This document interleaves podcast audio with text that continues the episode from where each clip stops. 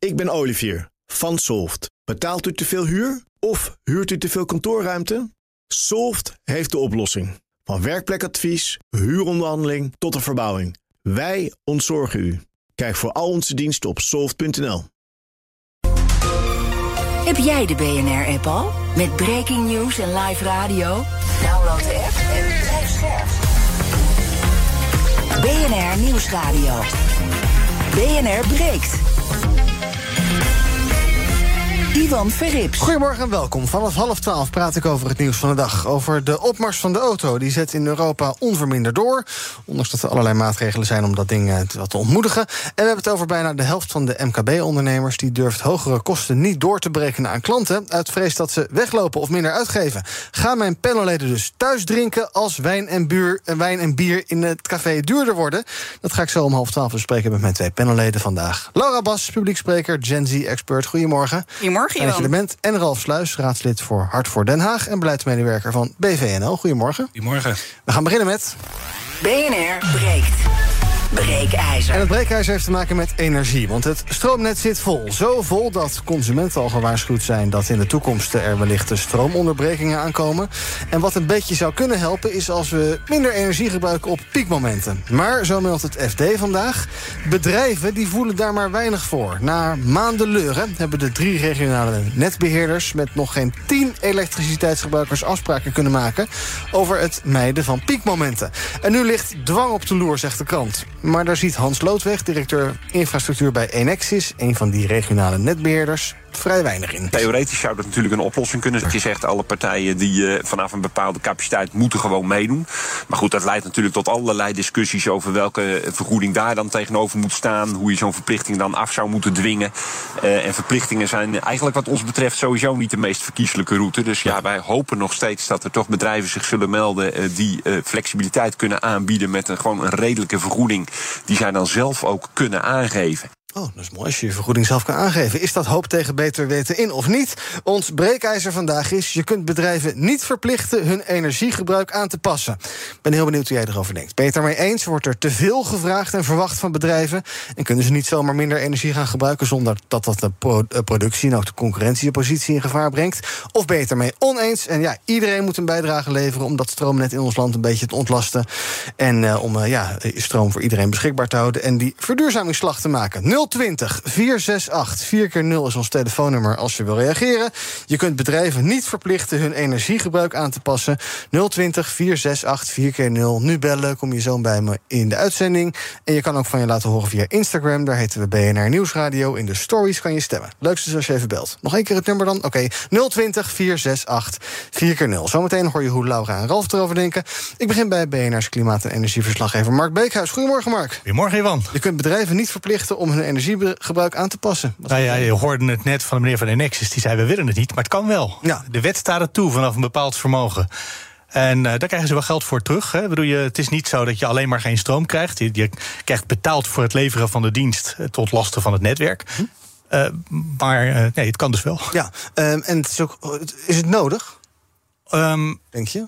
Nou, het, het, hangt er vanaf. Vanuit het vrijwillige, het vrijwillige proces is niet zo'n succes tot nu toe. Nee, um, kijk, alle bedrijven die nu een aansluiting hebben, die krijgen gewoon hun stroom. Alle bedrijven die nu op de wachtlijst staan voor een aansluiting, die krijgen geen stroom. En die zijn misschien helemaal geen bedrijf op het ogenblik nog, omdat ze niet kunnen beginnen. Mhm. Mm -hmm.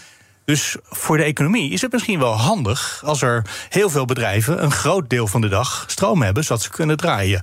Dus ik denk dat het economisch gezien uh, wel verstandig is voor het land als geheel. Ja. Maar natuurlijk voor dat ene bedrijf, wat dan misschien wat zullen we zeggen, tussen drie en vier smiddags een uurtje even minder stroom krijgt.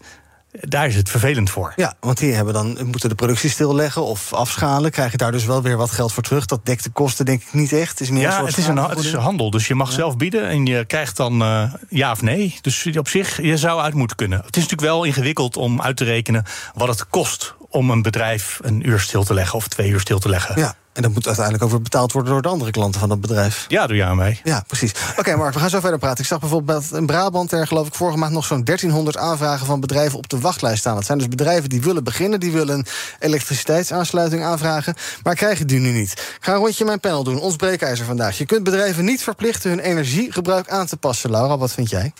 Ik vind dat je dat bedrijven niet kan verplichten. En dat vind ik eigenlijk om twee redenen. Eerste reden is, bedrijven moeten verduurzamen. Dat is gewoon wettelijk uh, vastgelegd. Hè. De energieplicht, de energiebesparingsplicht heet dat zelfs. En dan gaan bedrijven dus hè, investeren daarin... en die gaan duurzamer zich opstellen. En dan vervolgens krijgen ze dan wel te horen van... oké, je hebt nu duurzaam geïnvesteerd... maar hè, we hebben te veel, uh, te veel elektriciteit op het net... Mm-hmm. dus nu moet je ook nog minder, minder uren beschikbaar zijn. Dan moet je er maar afhalen. En dan ben je al als onderneming, heb je die investering al gemaakt... en dan vervolgens krijg je stank voor dank, zeg maar. En daarnaast hebben we ook nog de, de gasplicht die we willen gaan in, uh, invoeren. Waarin als je dus op fossiele brandstof zit of gas gebruikt, dat je nog weer een keer afgestraft mm -hmm. wordt. En dan is dus inderdaad weer, hè, dan, dan, dan, volg je de regels. En dan word je, krijg je inderdaad weer zo'n uh, maatregel. Ja, en ja. ik dan eigenlijk ook aan de expert even wil vragen, is: hè, het is niet nieuw dat wij nu die, die energie, dat wij overgaan op elektriciteit. Dus hoe kan het nou dat het stroomnet zo vast is gelopen? Hoezo kunnen we daar niet op, uh, hebben we daar niet op kunnen anticiperen? Waar is het nou fout gegaan? Nou, ik weet niet eens of het fout gegaan is. Het gaat heel veel sneller dan iedereen had verwacht. Het is ook onder andere door de oorlog in Oekraïne... dat in heel, heel Nederland, en niet alleen heel Nederland... heel de westerse wereld in, uh, daarmee aan de slag gegaan is. Dus uh, ik denk dat vooral dat het daarin zit. En dan zijn er op de achtergrond nog allerlei regels... die vroeger het moeilijk maakten om te investeren... met de verwachting dat een kabel misschien wel gebruikt zou gaan worden. En daardoor moest je eerst weten dat er klanten waren. Ja, die regels zijn inmiddels wel makkelijker gemaakt, soepeler gemaakt... maar uh, dat het, ja, het kost toch uh, vijf of tien jaar voordat je zo'n kabel dan weer aanlegt met vergunningen en met uh, dat je overal moet graven en alles. Dus ik, ik, ik weet niet helemaal zeker of het puur en alleen misgegaan is wat jij zei. En ik, jij zei net ook, ja, dan ga je om van gas naar elektriciteit. Maar als er op dat ogenblik geen aansluiting is voor jou, dan is het natuurlijk wel heel fijn als een ander bedrijf uh, een beetje coulant is en zegt: Oké, we maken het mogelijk dat jouw bedrijf die overstap maakt en misschien de investering al gedaan heeft en dan ook die aansluiting krijgt. Dus ik, uh, dat vind ik ingewikkeld. En Laura, jij zegt: uh, je kan het eigenlijk niet, niet vragen van bedrijven, maar ja, als de, als de capaciteit beperkt is, de boel crasht, ja, dan moet je een tijdje toch wel iets gaan doen. Ja, nou daar zie ik dan wel weer kansen voor andere ondernemers. Ja. Want hier liggen natuurlijk heel veel kansen. Mm -hmm. Heel veel ook jongeren die hiermee bezig zijn. Dus ik zou zeggen van nou, hier liggen zoveel kansen. Ga hierop uh, op investeren en op zoek naar voor andere bedrijven voor slimme oplossingen om dit uh, nog sneller te kunnen laten gaan. Uh, en waar ik me ook wel kritisch over uit wil laten is, hè, we in Nederland hebben de ambitie om heel veel datacenters aan te, te gaan leggen. Hoe gaan we dat dan doen? Met als we nu al problemen hebben met dus de elektriciteit. En zo'n datacenter, dat, dat moet de hele de hele dag aanstaan. Mm -hmm. Dat vergt ontzettend veel stroom. Hoe gaan we dat dan doen? Moeten ja. we niet even heel kritisch kijken van nou eerst Nederlandse bedrijven eerst voordat we internationale datacentra ja. naar Nederland gaan houden. Misschien een uurtje per dag geen YouTube of iets dergelijks. Um, Ralf, ons breekijzer, je kunt bedrijven niet verplichten hun energiegebruik aan te passen. Ja, daar ben ik het ook op mee uh, oneens. Dus uh, Laura en ik zitten redelijk op één lijn. Want ik vind dat het wel heel erg makkelijk uh, bij bedrijven neergelegd wordt. Ja, en beste mensen, we hebben het over nutsvoorzieningen. Het is altijd gewoon heel erg normaal geweest dat we elektriciteit hadden, dat we water hadden. En we zien nu dus steeds meer dat we een verdeling van schaarste krijgen in nutsvoorzieningen. Waarvan het altijd gewoon heel normaal is en geweest is dat we dat hebben. Ik vind dat nogal wat hoor. En dat we ja, de capaciteit niet op orde hebben. En dat er dus blijkbaar zoveel aanspraak op gemaakt wordt. Ja, dan moeten we misschien ook eens gaan nadenken over met ja, hoeveel we nog kunnen groeien. Wat willen we nog in dit land? Ja. En er wordt zoveel ja, aanspraak gemaakt eigenlijk op nutvoorzieningen... waarvan we nu ja, kunnen zeggen, ja, we hebben het eigenlijk niet meer op orde. Maar maakt die belangenafweging eens dan? Dan moet je nou gewoon zeggen, ja, dat is nu al bedrijvigheid komt niet van de grond... omdat, er, omdat het dus de stroom er niet is.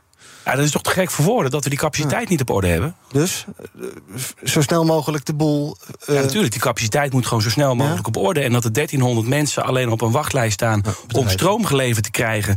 om een bedrijf te starten. Ja, dan kun je dus ook zien wat de economische groei enorm in de weg gestaan wordt. door het feit dat we dit niet op orde hebben. Maar voordat we naar de bellers gaan, waarom staan die bedrijven eigenlijk niet te springen om nou, een beetje te downgraden met hun energiegebruik? Want ja, je zegt net zelf, je, het is een biedingssysteem. Dus je kan eigenlijk je eigen. Je kan een bod doen wat je ervoor over hebt. Dus waarom is dat tien bedrijven? Dat is niks. Nee, dat is heel weinig. Ja. Dat is uh, zelfs verrassend fijn. Er wordt nog wel met twintig, uh, las ik in het artikel in het FD, ja. ook gesproken. Dus wie weet dat dat nog gebeurt. Ja. En waar natuurlijk vooral mee gesproken wordt, zijn de allergrootste bedrijven waarbij het ook zin heeft. Uh, want je kan natuurlijk jou of mij wel even een paar lampen uit laten doen thuis, maar daar gaat het verschil niet maken. Nee. Um, maar waarom die bedrijven dat niet? Ja, het is. Uh, het is, je moet zelf in jouw bedrijf terugschakelen, zodat je een ander bedrijf mogelijk maakt winst te maken. Ja. Dat is een uh, psychologie die we nog niet zo lang gewend zijn in de, in de ondernemerswereld. Ik denk dat het daar het allerbelangrijkste zit. Plus dat het echt ingewikkeld is. Kijk, als je een zonnepaneel hebt of je hebt een windmolen, dan weet je hoeveel de stroom zou hebben gekost. Mm -hmm. En als je nou die stroom niet op het net kwijt kan, dan zet je de windmolen stil. En daar kan je een vergoeding voor uitrekenen. Ja. Dat is redelijk één op één uitrekenen. Maar als je nou zegt, ik, verkoop, ik maak tompoezen. Maar dat doe ik dan even drie kwartier met de lopende band op halve snelheid. Ja. Dat wordt al een ingewikkeldere berekening. Uh, dus dat soort overwegingen binnen bedrijven. En maar ik denk dat het allerbelangrijkste is dat gewoon bedrijven niet gewend zijn om op deze manier te denken. En niet weten nog dat er gewoon heel veel flexibiliteit ook in de toekomst van ze gevraagd gaat worden. En dat het ook wel, ja, het, is, het is wel wat dat we te weinig infrastructuur hebben natuurlijk. -hmm. Maar uh, in de toekomst gaan we ook veel flexibelere aanbod krijgen van, uh, van energie. Ja. Dus die Met... flexibiliteit die gaat vroeger of later toch een belang uh, spelen. Alleen dat is iets waar bedrijven aan moeten wennen en hun, hun spreadsheets op moeten aanpassen, zou ik maar zeggen. Misschien ook een beetje hulp bij nodig hebben. Dus we gaan naar onze bellers 020 468 4 0 Je kunt bedrijven niet verplichten hun energiegebruik aan te passen. Jeroen, goedemorgen.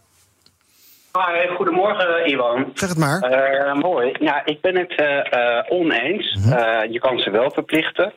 Ehm, ik heb twee simpele vragen. voor, de, voor het panel en voor de deskundigen. welke industrie gebruikt nu het meeste stroom? Mm -hmm. En ehm, hoe zit dat wereldwijd? Dus okay internationaal. Oké, okay, ik noteer één oneens en twee vragen. Die ga ik zo even voorleggen. Dank voor het bellen. Uh, Mark, goedemorgen. Andere Mark dus. Ja, Mark van der Heijden. Ik uh, ben het. Uh, daar, ik, ik, vind niet dat wij je bedrijven kunnen verplichten. Mm -hmm. ik heb het idee steeds meer de laatste tijd dat ondernemerschap een beetje ontmoedigd wordt. En dat daar de klappen vallen. Kijk naar het rekenrijden wat eraan zit te komen. Daarnaast, wat ik me ook afvraag, als je kijkt naar landen als China die doen wat ze willen. En wij zijn bezig uh, allemaal uh, stokken in onze spaken te, van onze ondernemers te steken. Waardoor straks onze concurrentie in het geding komt. Ik denk dat wij gewoon achter feiten lopen. En China loopt lachend als derde weg. Ja, want daar uh, doen ze niet zo moeilijk met uh, inspraken en stikstofregels en dat nou, soort zaken? Dat doen ze. Nou, ik, ik ben er ook geweest. Ik, want ja. daar doen ze nergens moeilijk over. En nee. die produceren gewoon. En die lachen zich helemaal kapot uh, van die Europese regels. Want die, uh, ja, zij kunnen gewoon doorproduceren wat ze willen. En wij als uh, ondernemers in Europa, wij, uh, wij lopen achter de feitjes aan. En zijn het braafste jongetje van de klas. Dank voor het bellen. Meneer Huigens, goedemorgen. Goedemorgen. Ja. Ik vind dat in deze situatie uh, ons is veel overkomen. Niemand heeft om oorlog gevraagd of, of om energieproblemen.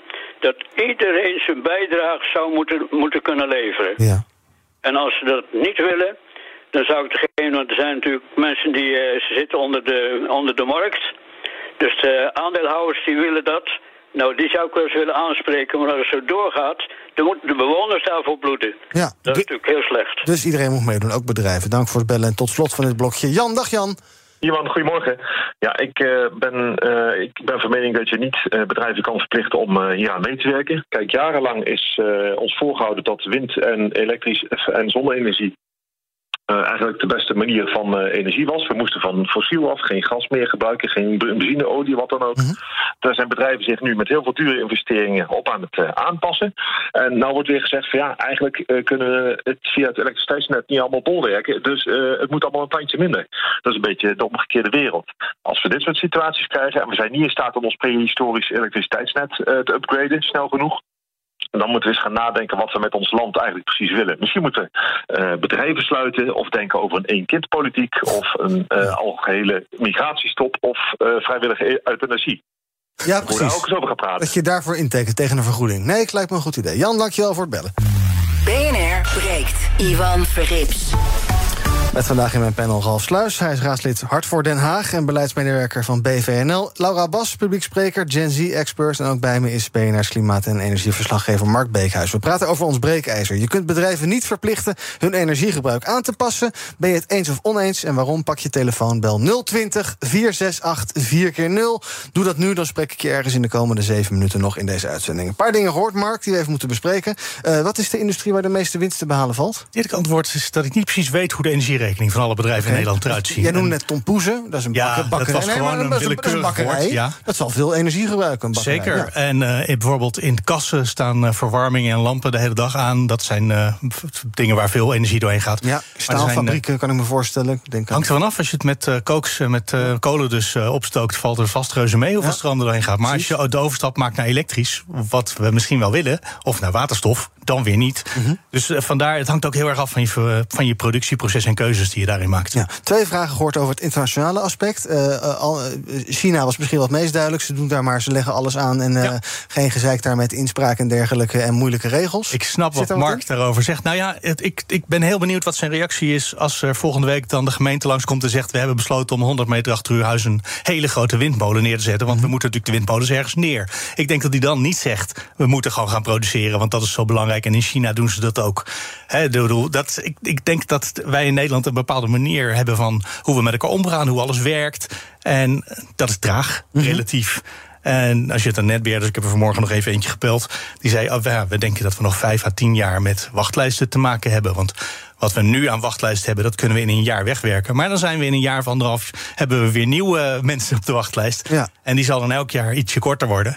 Maar eh, het zal toch wel vijf jaar minstens duren. Ja. En ehm, wat zei nou toch ook weer? Die laatste, Jan, die zei: het is, ja, we, we moeten eerst versnellen en nu moeten we vertragen. We doen iets heel ingewikkelds. Het hele energiesysteem gooien we overhoop. Dat, die transitie, die verandering, dat is echt iets wat ingewikkeld is voor individuele bedrijven, voor de netbeheerders, voor iedereen die daar een rol in heeft. En soms gaat het inderdaad misschien even ineens wat sneller dan iedereen dacht. Ja. En dat, ja, ik heb daar wel iets begrip voor. Dat het eh, af en toe piept en knarst. Want we gaan namelijk van een systeem wat we hadden naar een heel ander systeem. wat we waarschijnlijk gaan krijgen. En die fase, die fase daartussenin, denk even aan hoe een verhuizing is van je ene huis naar het andere huis.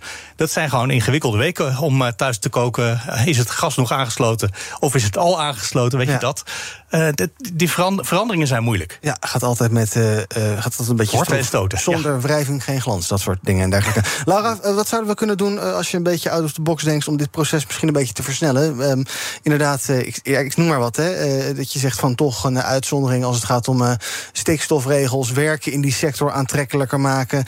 inderdaad, inspraak als, je, als er een hoe heet zo'n ding, windmolen in je achtertuin moet komen, dan bekijk je het maar met de inspraak. Ja, ik ben er niet per se voorstander van, maar dat soort dingen zou je aan kunnen denken. Als je zegt, Nou. we moeten versnellen met die eh, transitie. Wat ik opmerkelijk vond, werd ook in het artikel eh, uitvoerig gesproken, is dat ze dus hè, ze hebben brancheverenigingen benaderd, ze hebben webinars georganiseerd, brieven gestuurd. En dan zijn er maar tien bedrijven die happen. Maar dan denk ik van ja, dan heb je toch ergens een deal die niet helemaal aansluit bij, bij wat zo'n organisatie of bedrijf wil. Dus ik denk ja, ga nou een keer met z'n allen om de tafel en, en probeer te kijken naar gedeelde belangen. Want ik geloof niet dat van alle organisaties er geen enkele is die, die zich bereid is aan te passen. Maar dan moet je gewoon kijken naar hoe je meer op een win-win situatie uit kan komen. En ja, webinars organiseren en brieven sturen klinkt wel een beetje eenzijdige communicatie. Ja, dat is misschien een beetje simpel. Ehm, eh, we zagen dus ook een tijdje geleden al Ralf een waarschuwing van Liander. Dat is zo'n netbeheerder. Die zei: ja, het kan wel eens zijn dat we dat consumenten, particulieren dus, in de toekomst ook te maken gaan hebben met ja, stroomuitval en dergelijke. Maak jij daar zorgen om? Is dat iets wat je ook in Den Haag eh, eh, een punt waar jij je zorgen om maakt? Ja, ik maak me daar zeker wel zorgen om. En zeker omdat je, ik begrijp het ook wel dat die bedrijven niet echt toehappen. Die denken bij zichzelf, ja, we hebben al zoveel regels waar we aan moeten voldoen. We zijn met zoveel dingen bezig. En als we dat allemaal op de rit hebben, dan moeten we ook ons bedrijf nog eens gaan runnen. En dan zullen we ons nu druk moeten gaan maken of het stroomnetwerk het wel aankomt wat wij hier doen. Ja, ik snap wel dat bedrijven daar niet zo mee bezig zijn. Maar dat het uiteindelijk dus op termijn waarschijnlijk wel een probleem gaat worden. Als we echt met stroomuitval te maken krijgen. Ja, dan zijn we toch wel eh, een. eh, Eind gezonken, vind ik, eh, Ja. als, eh, als modern land als Nederland zijnde. Dat kan dat kan ga- gaan gebeuren. Omdat mede de stabiliteit van onze infrastructuur natuurlijk ook ja, de, eh, het vestigingsklimaat van Nederland zo aantrekkelijk maakt. Ja, als dat soort zaken echt onder druk komen te staan, die nutvoorzieningen, ja, dan gaan we het best nog wel zwaar krijgen, denk ik. Ja, gaat dat gebeuren hier, Mark? Dat de lampen in deze studio niet meer aangaan? Nou, op het ogenblik. Nee, trouwens, we hebben een noodstroom hier. Want je kan natuurlijk als bedrijf zelf ook eh, daar iets aan doen. Ja, dieseltank op het dak zetten. Eh, nee, batterijen zijn het in ons geval. Eh, en dan blijft hier in de studio het licht aan. Maar buiten de studio gaat het licht uit. Nou, dat maakt niet uit wat Nee, precies. Ehm, maar ja, gaat dat gebeuren? Nou, dat is- we hebben op het ogenblik een stroomnet wat bijna nooit uitvalt. Ook naar wereldnormen hebben we echt een van de beste stroomnetten van de wereld. Dus als het een heel klein beetje minder wordt, is dat voor ons heel erg wennen. Maar dan gaan we ook naar iets wat eh, nog steeds eh, internationaal best concurreert, zou ik maar zeggen. Dus we gaan, ja, we kunnen dat best hebben. Als het zou gebeuren. Je gaat natuurlijk proberen te voorkomen. Ja. Eh, je gaat, daar, daarom heb je ook dit soort de flexibiliteit van die bedrijven nodig. Zodat je niet pieken hebt dat ineens het hele systeem uitvalt. Omdat je de regels net wat scherper aan de wind zeilt, zeg maar. Er zijn allerlei partijen die zijn bezig met het, eh, je noemde net al, een noodstroom, eh, batterijen, accu's en dergelijke. Je ziet bijna elke week wel nieuwsberichten over de grootste accu daar en de grootste batterij hier. Gaat dat helpen, ook om het net een beetje te stabiliseren? Want je zei ook al, we gaan zien de toekomst veel flexibeler als het gaat om eh, heel veel op, opwek en dan opeens s'nachts heel weinig opwek. Ja. ja, dat, moet, dat moet allemaal wat meer met elkaar in evenwicht komen, dat vraag en aanbod, denk ik. ja, dat is vooral het, het aanbod wat je daarmee kan regelen. Als je, een, je begint een nieuw zonnepark, er zijn er een paar die heel graag wilden in de afgelopen maanden. En toen zei de netbeheerder nee, dat is vol, kan niet. Maar omdat ze dan een deel van de uren gewoon geen contract hebben. Dus ze hebben een aantal uren per dag wel, maar een aantal uren per dag niet. Maar voor die uren hebben ze dan extra batterijen ingekocht. En daarmee kunnen ze dus de problemen op het netwerk voor het invoeren van de stroom, voor het leveren van de stroom, kunnen ze daarmee opvangen. Ja. Je zou natuurlijk, als je een bedrijf bent wat wel zo'n flexibel contract aan kan, uh, misschien die uren zelf kunnen opvangen. Als je mhm. bijvoorbeeld een, uh, je bent een slagerij en je hebt heel veel koelcellen. Zoiets. Nou, misschien dat die, als de isolatie goed is, dat je zelfs die uren zonder stroom wel doorkomt. Mhm. Maar misschien dat je er een batterij bij zet voor de zekerheid. Dat je dan die uren, als het nodig is, toch nog even kan koelen. Ja, en dan belast je ook dat net niet. En precies, en dan kan je misschien een, af, een contract afsluiten waarin je op de moeilijke uren minder stroom of geen stroom afneemt. Eén of twee bellers nog. Birol, goedemorgen. Hallo, goedemorgen. Zeg het maar. Ik uh, ja, vraag me altijd af, als ik langs de snelweg rij of een stad binnenrij... waar al die hoge, dure kantoorpanden staan... staan al die lichten altijd aan s'nachts. Ja. Kunnen die niet eens uit? Telt dat ook niet eh, onder energie bezuinigen en, en, en verduurzamen? En ja, alle kleine beetjes helpen, zeg ik altijd maar. Hoe lang dat verhaal niet al horen, toch? Van die lampen die uit moeten? Ja, dat, ja. Uh, dat, dat hoor ik ook al heel lang. Maar die gaan nooit uit. Nee, nou gaan we zo nog even kort bespreken. Dankjewel voor het bellen. En tot slot Roland. Goedemorgen, Roland. Uh, goedemorgen. Uh, ik, ben het, uh, niet, e- ik ben het eens met, uh, niet eens met de stelling. ik vind dat bedrijven wel verplicht moeten worden, in ieder geval. Ehm, en ehm, ik vraag me af waarom je niet met bedrijven praat op een manier die ze verstaan... in plaats van solidariteit te vragen. Dus dynamische contracten. Als het uh, duur is, dan is het, uh, dan, en je wil het toch hebben, dan betaal je ervoor. En als het goedkoop is, dan uh, ja, krijg je het goedkoop en dan kan je meer afnemen. Ja, klinkt vrij simpel. Um, en, en het lijkt me net als een snelweg. we kunnen wel dingen blijven aanleggen en asfalt blijven leggen, maar het loopt toch steeds vol. Dus ik denk dat je gewoon meer zou moeten betalen op het moment ehm, dat het druk is. En dat ja, vind ik van auto's ook eigenlijk. Ja. Goed idee, Mark. Daar zien we de laatste tijd wel meer bewegingen. Dynamische contracten. Wat ook soms hele gekke situaties oplevert. Dat dan de stroomprijs negatief is. Dus als jij zonnepanelen hebt en je levert terug, dan kost dat jouw geld. Maar dat soort gekkigheid. Ja, of als je dan de auto oplaat, dan levert het geld op. Ja, dat komt ook voor. Nee, dat is zeker een oplossing. Uh, alleen, uh, we hebben wel vrijheid van contract in dit land. Dus als bedrijven voor uh, tien jaar lang een contract hebben gesloten voor de stroom van windmolens af te nemen. dan hebben ze dat contract gewoon afgesloten al. En dan zitten de rest van de wereld zit daar natuurlijk wel aan vast. En wat je net hoorde van die andere beller, die zei: moet het licht niet uit? Voor een deel gebeurt dat ook wel mhm. vaker, ook al weet ik dat het niet zo is. Maar Wanneer hebben wij het licht vooral aan? Als het donker is. Hoewel hier in deze studio is het ook met het licht. Maar de meeste kantoren hebben toch vooral het licht aan als het buiten donker is. En als je nu een contract wil hebben met de stroom alleen maar tussen 10 uur s'nachts en 6 uur s morgens, is geen enkel probleem. Krijg je maar als je de rest van de uren ook wil hebben, dan is soms het net ineens vol. Dus uh, ja, misschien is het, is het goed voor het niet verbruiken van energie. Mhm. Maar het is niet een oplossing voor het probleem waar je het nu over hebt: dat nieuwe bedrijven aangesloten willen worden. En zij die allemaal tussen tien s'nachts en uh, tien s'avonds en zes uur s morgens willen gaan werken. Ik wilde kijken of je nog een. Vroeger zat daar een, een, eh, een knopje het licht uitkomt, maar dat kan niet meer. Nee. Dus nou ja, we laten het toch maar aanstaan. Het is omdat we een kleine televisiestudio zijn geworden. Oh ja. Hallo, waar zijn we het zien? uh, Mark Beekhuis, klimaat- en energieverslaggever van BNR. Dankjewel, fijn dat je met ons was. Onze breekijzer vandaag. Je kunt bedrijven niet verplichten hun energiegebruik aan te passen. Op onze Instagram-pagina is 60% het daarmee oneens.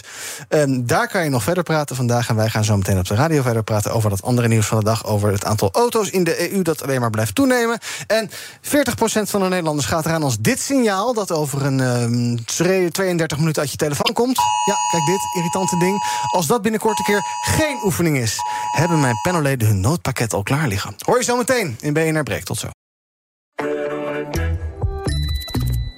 Het Eneco Klimaatreport van deze week komt uit Amsterdam. Ik ben Pascal en ik sta hier met de oprichter van Wikkelhuis op de werkplaats. Oep, wat zie ik hier? Ja, je ziet allemaal huisjes. En welke rol speelt energie-efficiëntie in jullie ontwerp- en bouwproces? We bouwen alleen maar met hernieuwbare materialen. Maar het leukste is dat we eigenlijk uh, zonne-energie gebruiken voor onze elektriciteit. We hebben duizend zonnepanelen op ons dak van de werkplaats. Duizend zonnepanelen, dat zijn er een hoop. Ik kan me voorstellen dat er veel stroom vanaf komt. Ja, er komt een enorme bak met stroom uit. En soms in de zomer is dat ook te veel. En daarom werken we samen met uh, Eneco, met het uh, opwek optimaal systeem. En wat doet dat systeem? Een soort dimmer. Dat als er te veel stroom is, dat je dat zeg maar wat terug reguleert, zodat er geen netcongestie ontstaat. Want dan zou alles vastlopen. Uh, juist de balans op het energienetwerk. Ja, precies. En zo werkt Wikkelhuis samen met Eneco aan klimaatambities. Is het ook iets voor jouw bedrijf? Check dan eneco.nl slash klimaatambities. Ik ben Sylvia van Solft. Betaalt u te veel huur of huurt u te veel kantoorruimte? Solft heeft de oplossing.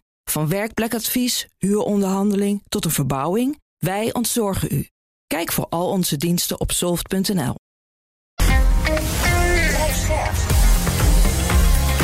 BNR Nieuwsradio. BNR breekt. Ivan Verrips. Welkom terug in mijn panel vandaag. Laura Bas, publiekspreker, Gen Z-expert... en Ralf Sluis, raadslid voor Hart voor Den Haag... en beleidsmedewerker van BVNL. En we gaan praten over het nieuws van de dag. Over auto's om te beginnen. Want het aantal auto's in de EU-landen neemt toe... tot zo'n 567 per duizend inwoners vorig jaar. Dat is dus ruim één auto per twee inwoners... blijkt uit nieuwe cijfers van Eurostat, het Europese Statistiekbureau. En ook in ons land stijgt het aantal auto's hard...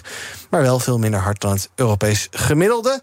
Um, en dat terwijl er toch ja, allerlei projecten zijn, uh, auto's die steden weren, allerlei uh, ideeën over deeleconomieën, dat we minder auto's bezitten, maar meer een auto delen. Uh, dat we proberen om openbaar vervoer aantrekkelijk te maken. Maar dat ja, komt dat dan niet zo lekker van de grond, Laura? Of toch wel, maar ja, wat, wat zie je hier gebeuren? Nou, ik denk dat het niet zo lekker van de grond komt. Ik vind het ook een beetje hypocriet om te zeggen dat andere Europese landen waar het nu heel erg stijgt, waar ook hè, de welvaart wat later op gang is gekomen, zoals bijvoorbeeld Roemenië of Polen. Kijk, daar is het OV in de steden misschien goed geregeld, maar dat geldt ook hier in Nederland. Als jij uh, nog een keer naar Den Helder wilt na acht uur s avonds of ergens anders in West-Friesland in een dorpje met openbaar vervoer, nou, succes. Dat, dat is gewoon niet te doen. En dat zien we ook heel erg met de bezuinigingen, dat ook op heel veel uh, OV wordt, wordt bezuinigd. En ja, dan kan je van mensen niet verwachten dat ze dan geen auto meer gaan Dan moet je gewoon zorgen dat het OV-netwerk uh, geoptimaliseerd wordt. Ja, um, in ons land hebben met name 50-plussers relatief veel auto's. Zie je wel een generatieverschil? Want er wordt altijd gezegd van ja, jongeren die hechten minder aan het bezit. Ik weet niet of dat zo is. Nee, ik zie geen, nee, dat zie ik zeker niet. Ja, de swapfiets in Amsterdam die is heel erg groot. Maar ik ja. denk dat het ook in Amsterdam heel erg komt omdat fietsen veel gestolen worden. En de swapfietsen worden gewoon veel minder gestolen. Dus ik denk dat dat veel meer uh, uh, speelt. En ja, ik, ik zie in kleine. Ik kom zelf ook uit een klein dorp. Daar heeft iedereen ook gewoon een auto. Puur omdat het OV gewoon niet goed aansluit op, op jouw levenspatroon. Nee, is misschien ook wel ja, uh, onrealistisch om te verwachten. Toch dat in elk dorp elke tien minuten er een bus naar elke uithoek gaat. Ja, dus ja. ja, maar dan moet je als gevolg ook niet gek vinden dat mensen dan auto hebben. Nee. Hoe ben je hier vandaag gekomen, Ralf? Met de auto. Met de auto, ja. De trein reed ook niet, dus dat is vrij makkelijk. Ja. Dat is natuurlijk ook niet echt een lekkere reclame... Hè, als je nee. altijd storingen en gedoe en vertragingen hebt. Nee, klopt. Ik ben het uh, helemaal met Laura eens ook. Het is, uh, ja, je ziet natuurlijk dat, uh, dat steeds meer mensen eigenlijk afhankelijk... en met name in de regio afhankelijk geworden zijn van, van de auto... omdat daar het OV gewoon verder verschaalt. Mm -hmm. Dus je ziet haltes verdwijnen, je ziet buslijnen opgeheven worden. Ja, mensen die kunnen gewoon niet meer van A naar B komen. Die hebben sociale netwerk, hun, hun werk, hun vrienden, familie. Ja, en die zijn gewoon afhankelijk geworden van een auto. Dus ja. of we het leuk vinden of niet, het is er gewoon. Nee, auto zit wel een beetje in het verdomhoekje vaak. Is dat terecht eigenlijk? Nee, is totaal onterecht. Ik vind een auto een ontzettend mooi bezit. Ik vind het hartstikke leuk als jonge lui, die worden 18... die gaan met heel veel plezier een rijbewijs halen. Die krijgen ze misschien van opa of oma, vader of moeder... als ze dan niet gerookt hebben tot die tijd. En dan kopen ze een eerste autootje. Ik weet het ook nog, hoe leuk dat is. Ja. En het geeft gewoon een heel mooi gevoel van vrijheid. Want je kan lekker in je autootje stappen. Je kan naar Parijs rijden, je kan naar Brussel rijden. Je kan naar... Ja, het, het, het is vrijheid. En voor heel veel mensen voelt het ook als vrijheid. Nou, dat is een van de lekkerste gevoelens die er zijn. Dus ik begrijp heel goed dat mensen gek zijn op hun auto. Ja, toch, ik zei het al, er zijn allerlei steden die proberen die auto dan te weren. Want die zeggen, ja, dat is vies, dan stinken onze straten. Het neemt heel veel ruimte in beslag, het ontsiert het, beeld. Uh, met tot gevolg dat je op allerlei, ik zie het hier in Amsterdam gebeuren... er zijn allerlei initiatieven om delen af te sluiten van de stad... waardoor er op andere plekken enorme files staan. Van, van tientallen minuten sta je in de stad stil met elkaar. Um, hoe moeten we daar dan mee omgaan? Want op zich, ja, uh, uh, ja als, je, als ik even over Amsterdam praat... maar die, die grachten zijn wel mooier zonder auto's. Maar ja, er zijn ook mensen die willen naar die grachten toe, ja. Ja, ik vind de zeeën ook mooier zonder windmolens. Ja. Maar uh, volgens mij auto's accepteren we dat natuurlijk, ook ja. met elkaar. En ja, eh, die auto die is er nu eenmaal. En dan is het ja, altijd aan de andere kant wordt uitgelegd. Ja, het is veel mooier en al dat blik neemt zoveel ruimte in. Ja, het is er. En mensen zijn er nog steeds van afhankelijk. En als we daar nou echt wat aan willen doen en we willen discussie aangaan, ja, dan moet je misschien ook eens afvragen hoe, eh, hoe sterk willen we nog groeien als stad en hoe sterk willen we nog groeien als land. En ja, de discussie over de bevolkingsgroei mag eigenlijk nooit gevoerd worden. Maar dit zijn allemaal gevolgen ervan dat er meer auto's komen en dat er meer druk op het stroomnetwerk komt, dat er meer water gevraagd wordt. Dat zijn allemaal dingen die ook te maken hebben met groei van de bevolking. Ja, vind jij dat verdomhoekje voor de auto terecht? Moet nou, ik denk, zou, ik wilde bijna zeggen elektrische auto. Maar met wat de discussie die we vanochtend gevoerd hebben, is dat de komende vijf of tien jaar ook niet zo'n niet zo'n goed idee. En zeker in Amsterdam. Ik bedoel, ik ken zoveel mensen die gewoon een auto in Noord neerzetten en dan een Noord-Zuid- Noord-Zuidlijn pakken naar het centrum. Ik bedoel, in Amsterdam is het OV ook wel echt goed geregeld hoor. Dus daar kunnen wel meer steden een voorbeeld aan nemen. En ik denk dat dat, hè, zo'n Zuiderzee eh, parkeerterrein of de Noord-Zuidlijn, dat dat een hele goede oplossing is. Ja, en dan zien we dus ook dat in, vooral in Roemenië, Polen en Estland het autobezit snel groeit. Nou, het is precies wat jij zegt. Je kan moeilijk zeggen, eh, wij zijn nu een rijk land, dus wij hebben dat allemaal gehad. En zij mogen dat niet. Dus ja, dat moeten we dan maar met elkaar accepteren. Ja, en ja. ja, ik zou hun heel erg adviseren om ook heel erg snel dat stroomnet eh, te zorgen dat het niet gaat eh, overbelasten. Ja, dat zij er misschien wel op tijd bij zijn. En je ziet natuurlijk dat, eh, dat onze oude auto's eigenlijk meer die kant op gaan. En dat het wagenpark hier dus juist duurzamer en groener wordt. En ja, onze oude auto's eigenlijk die kant op gaan. Ja, en daar een zesde leven leiden. Ja, ja precies. Laten we praten over uh, afgelopen weekend. Toen waren er uh, congressen van onder andere VVD, ChristenUnie en de SP. En het draaide voor een groot deel over asiel en migratie. Bijvoorbeeld uh, bij de VVD, dus premier Rutte die wisten de gemoederen nou toch wel redelijk te temperen.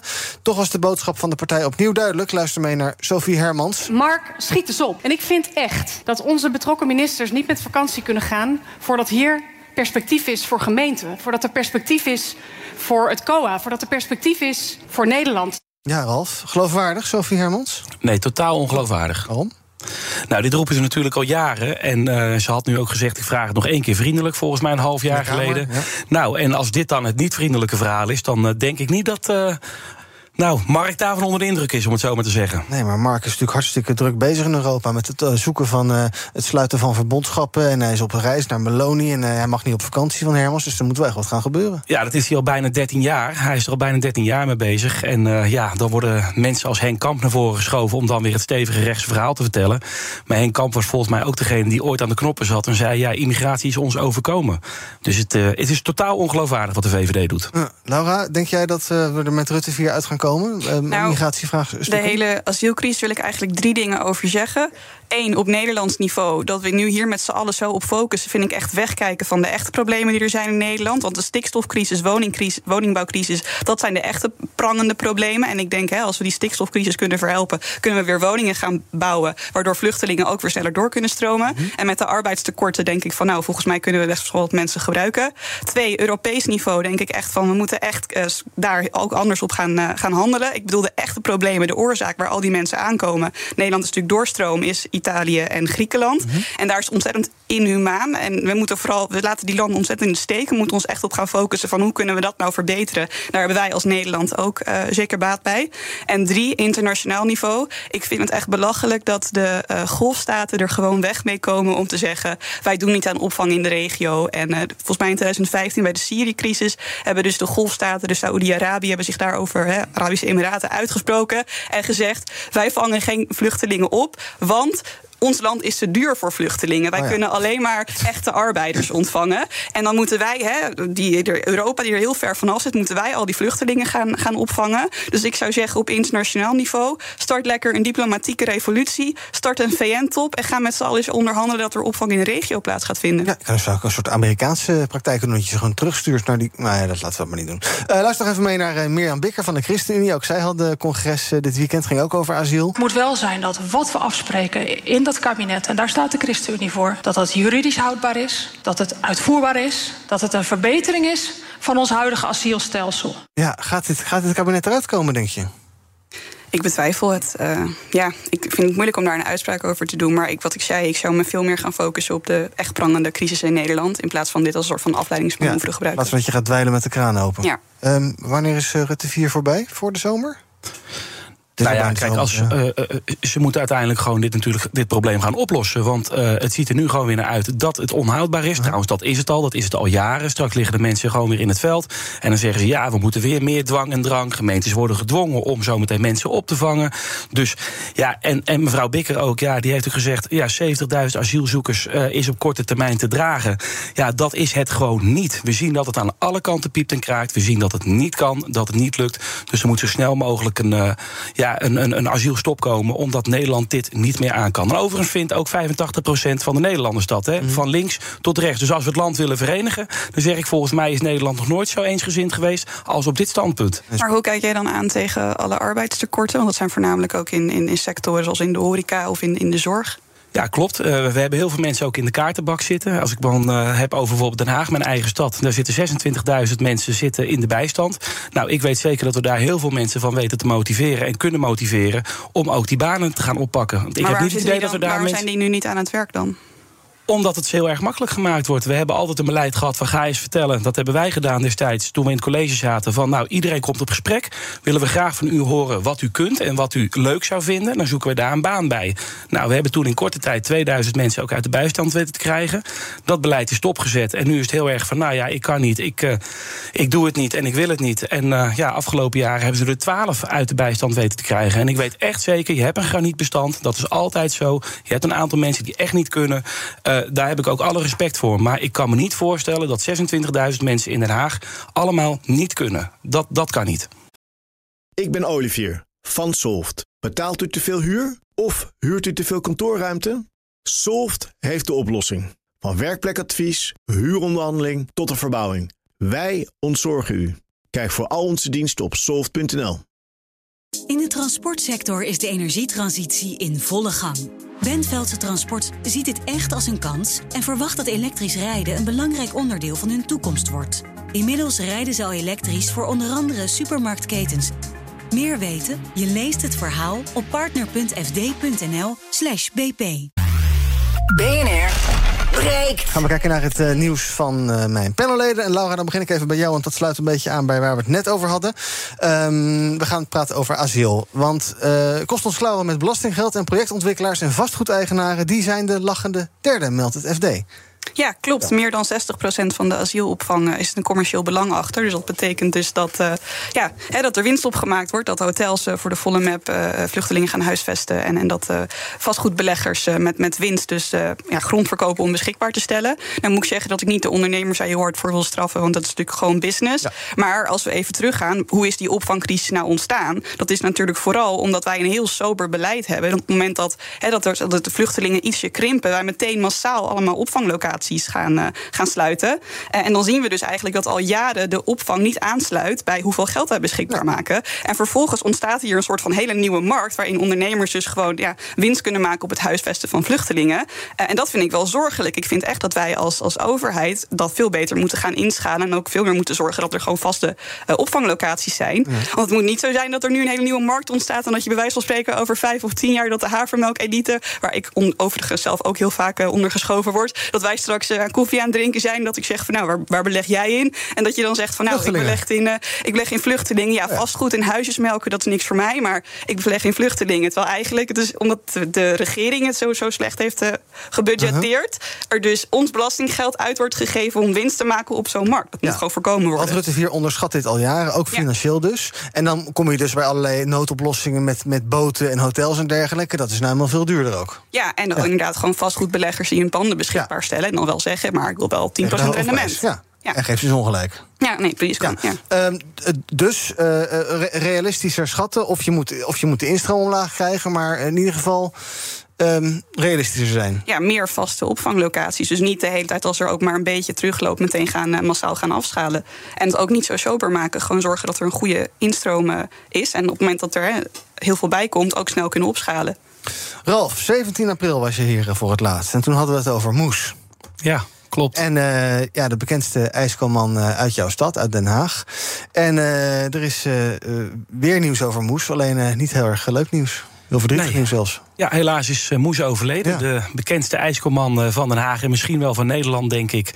Want uh, nou, iedereen kan hem uittekenen op het Binnenhof. En waar premiers kwamen en gingen, bleef Moes altijd als meest stabiele factor van het Binnenhof staan. Maar dat is afgelopen, helaas. Moes is overleden.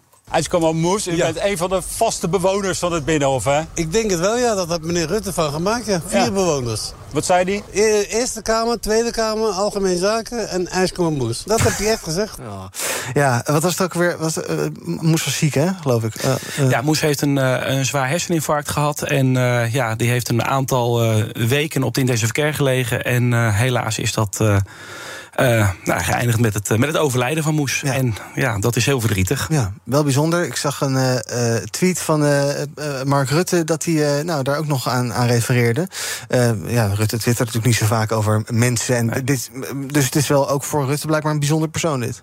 Ja, dat laat inderdaad zien hoe, hoe geliefd Moes was. Want Moes was een, ja, een oerhaagse ondernemer die met, met heel veel humor en creativiteit ja, zijn centjes verdiende. En ook heel veel mensen een glimlach op het gezicht bezorgde met zijn En uh, nou, zowel politici, wat ik zeg, van Joop den Uyl ja. tot aan Mark Rutte. Hij heeft ze allemaal zien komen en gaan. En Moes bleef altijd staan. En dat is helaas nu afgelopen. Ja, en nu is er iemand die zijn car overneemt? Of? Is dat nog zijn, zoon, uh, zijn zoon doet het ook. Dus zijn zoon uh, stond altijd met z'n tweeën. Moes op het Binnenhof en zijn zoon bij Paleis Noordeinde. Dus die beelden kennen we natuurlijk ook wel. Mm -hmm. uh, van politici die destijds nog bij de koningin langs gingen. En dat er een ijsje gehaald werd. En zijn zoon zal ook doorgaan. En ja, daar ben ik ook blij om. En we, zullen Moes, we zullen Moes nooit vergeten in ieder geval. Een Haags icoon is niet meer. Zo is het. Kijk even naar wat trending is op de socials. Nou, uh, veel uiteraard over de treinstoring bij ProRail. Die lijkt verholpen. Rond 9 uur deze ochtend begonnen de eerste treinen van en naar Amsterdam weer te rijden. Door die storing moesten zo'n 150 concertbezoekers in de Ziggo Dome slapen. Dat was uh, onder andere bezoekers van een concert van Harry Styles in de Johan Cruijff Arena. En ook op uh, Amsterdam Centraal veel nachtbrakers vanochtend en vooral veel boze toeristen. I'm tired, I'm hungry, I feel cold. Ohne warme Getränke, ohne Decken, ohne Infos, was wir machen sollen, worauf auf uns zukommt. Und wir sind sehr, sehr enttäuscht. Ja, onvoldoende voor ProRail. De Zweedse voetballer Zlatan Ibrahimovic is trending. Die nam gisteravond afscheid. Na 41 jaar komt er een einde aan zijn voetbalcarrière. Maakte hij gisteren bekend in het stadion van zijn club AC Milan na een 3-1 overwinning. È arrivato il momento di dire ciao a calcio, non a voi. Forza Milan e arrivederci. Ja, bedankt voor die bloemen. Voetballer vertrekt. Hashtag TV-ster keer terug. Hier is uw blijver voor thuisman en surpriseman, dames en heren, Henny Huisman. Weet niet wie daar nog op zat te wachten, maar Henny Huisman keert terug op de buis. In een nieuw seizoen van het programma Beter Laat Dan Nooit... reist hij met drie vrienden de wereld over. Vanaf komend najaar is dat programma op tv. Ik weet trouwens nog niet wie die drie vrienden zijn. En tot slot is NL Alert trending, want nog precies 7 minuten en 20 seconden. En dan, ja, Gaat dit weer gebeuren op je telefoon? Het is natuurlijk slechts een oefening om 12 uur. Vier op de 10 Nederlanders vindt dat ze niet goed voorbereid zijn op een ramp of crisis. Blijkt uit een peiling van de Nationaal Coördinator Terrorismebestrijding en Veiligheid. Um, en als je dat weet, dan zou je denken... goh, regel dat je er dan wel goed op voorbereid bent. Uh, een van die dingen die je kan doen is een noodpakket thuis klaarmaken. Heb jij dat liggen, Ralf, thuis ergens in een kast? Een noodpakket met een radio en een, en een, en een lampje... en een flessen water en kattenvoer, weet ik veel. Ja, ik moet je zeggen, de koelkast ligt bij ons altijd wel vol met witte wijn. Maar dat, ik weet ja? niet of je dat helemaal onder het noodpakket schaart. Dus ja. ik denk eigenlijk niet dat ik dat heb, nee. Kan ik het best lang mee volhouden. Zit ja, dat, hoe zit dat bij jou, Laura? Ik zou eerlijk gezegd niet eens weten waar ik naartoe zou moeten. Zijn er schuilkelders in, in Amsterdam? Ik, zou het, ja, hangt een beetje van de ramp af, denk ik. Maar goed, in noodgeval kan natuurlijk ook een soort cyberachtig ding zijn. Of als je dagenlang niet kan pinnen. Ja, kijk, als er een nucleaire raket op afkomt, dan is het vrij snel voorbij natuurlijk. Maar uh, ook niet geïnformeerd. Dus maak je je wel zorgen over dat er ja, iets van rampspoed je zou kunnen overkomen? Nou, waar ik het wel de laatste tijd veel over discussieer met vrienden, is, is over AI. AI. Nou, je kon helemaal niet uit woorden. AI. AI. Ja, daar maken we ons wel zorgen over. Van wat nou als dat op een gegeven moment slimmer gaat zijn dan, uh, dan de mens zelf en beslissingen voor zichzelf gaat nemen. Mm -hmm. Daar discussiëren we wel over. Maar daar houdt het ook wel bij op. Ja, en dus inderdaad, uh, ja, overstromingen, dat soort ellende. Ja, we, we gaan het maar gewoon zien gebeuren als het gebeurt. Hopelijk niet, maar Ja, ik heb redden zwemmen 1, 2 en 3. Dus ik hoop dat dat me Oh, dan, eh, dan ben je wel veilig. gaat redden. En Wat moet er in dat noodpakket? Nou, flessen water dus, houdbaar eten, een radio op batterijen, eh, een powerbank voor je telefoon, een zaklamp, een EHBO-doos, dekens om warm te blijven, een fluitje, contant geld, gereedschap, desinfecterende gel, reservesleutels van je auto, kopie van je paspoort. Ehm, zou het niet handig zijn, stelde ik vanochtend voor aan iemand van de NZTV... om gewoon bij elk huishouden zo'n noodpakket naar binnen te duwen door de brievenbus? Van, eh, nou ja, of een pakketje. Maar goed, eh, dat, je, dat je het op die manier doet. Nou, ik ben altijd wel een beetje van de eigen verantwoordelijkheid hoor. Dus als je dat, eh, als je dat wilt, dan, eh, dan zul je dat zelf moeten regelen. Maar als ik dit zo hoor, wat er allemaal in moet zitten, dan, eh, dan mag je er wel een verdieping bij nemen. Ja, precies. Nou, eh, mocht je er meer over willen weten, NCTV heeft een website denkvooruit.nl. En daar kan je van alles en nog wat vinden over het samenstellen van een noodpakket. Ik vraag me dan wel af, hoe gaat dit je helpen bij cybercrime? Eh, ja, je hebt in ieder geval water te drinken. Ik zou wijn kiezen. Ik zou ook wel. wijn is ja. goed lang houdbaar. Ja, ja, hoor. zo is het. Je lekker in de koelkast. Als de nood aan de man is, dan is Wordt het vaak alleen maar beter als je even wat langer ligt nog. Nee. Dus dat, eh, Ik kan niet wachten tot het een keer fout gaat. Dank voor jullie aanwezigheid bij BNR Breekt vandaag. Ralf Sluis, wijnliefhebber en raadslid voor Hart voor Den Haag... beleidsmedewerker van BVNL. En Laura Bas, publiekspreker en Gen Z-expert. Fijn dat je er was. In het gelijks. Graag gedaan. Morgen ben ik er weer. Tot die tijd volg je ons via de socials. Zoek maar even naar eh, BNR op eh, Twitter, TikTok, LinkedIn, Instagram, Facebook. We zijn overal te vinden. En als je de radio aan laat staan, is hier over eh 4,5 minuut dus dat irritante geluid wat je gaat horen zo meteen. Dat hoor je dan eerst zo. En dat is het teken dat Edwin Morgen begint met zaken doen. Ik ben Sylvia van Solft. Betaalt u te veel huur of huurt u te veel kantoorruimte? Solft heeft de oplossing. Van werkplekadvies, huuronderhandeling tot een verbouwing, wij ontzorgen u. Kijk voor al onze diensten op soft.nl.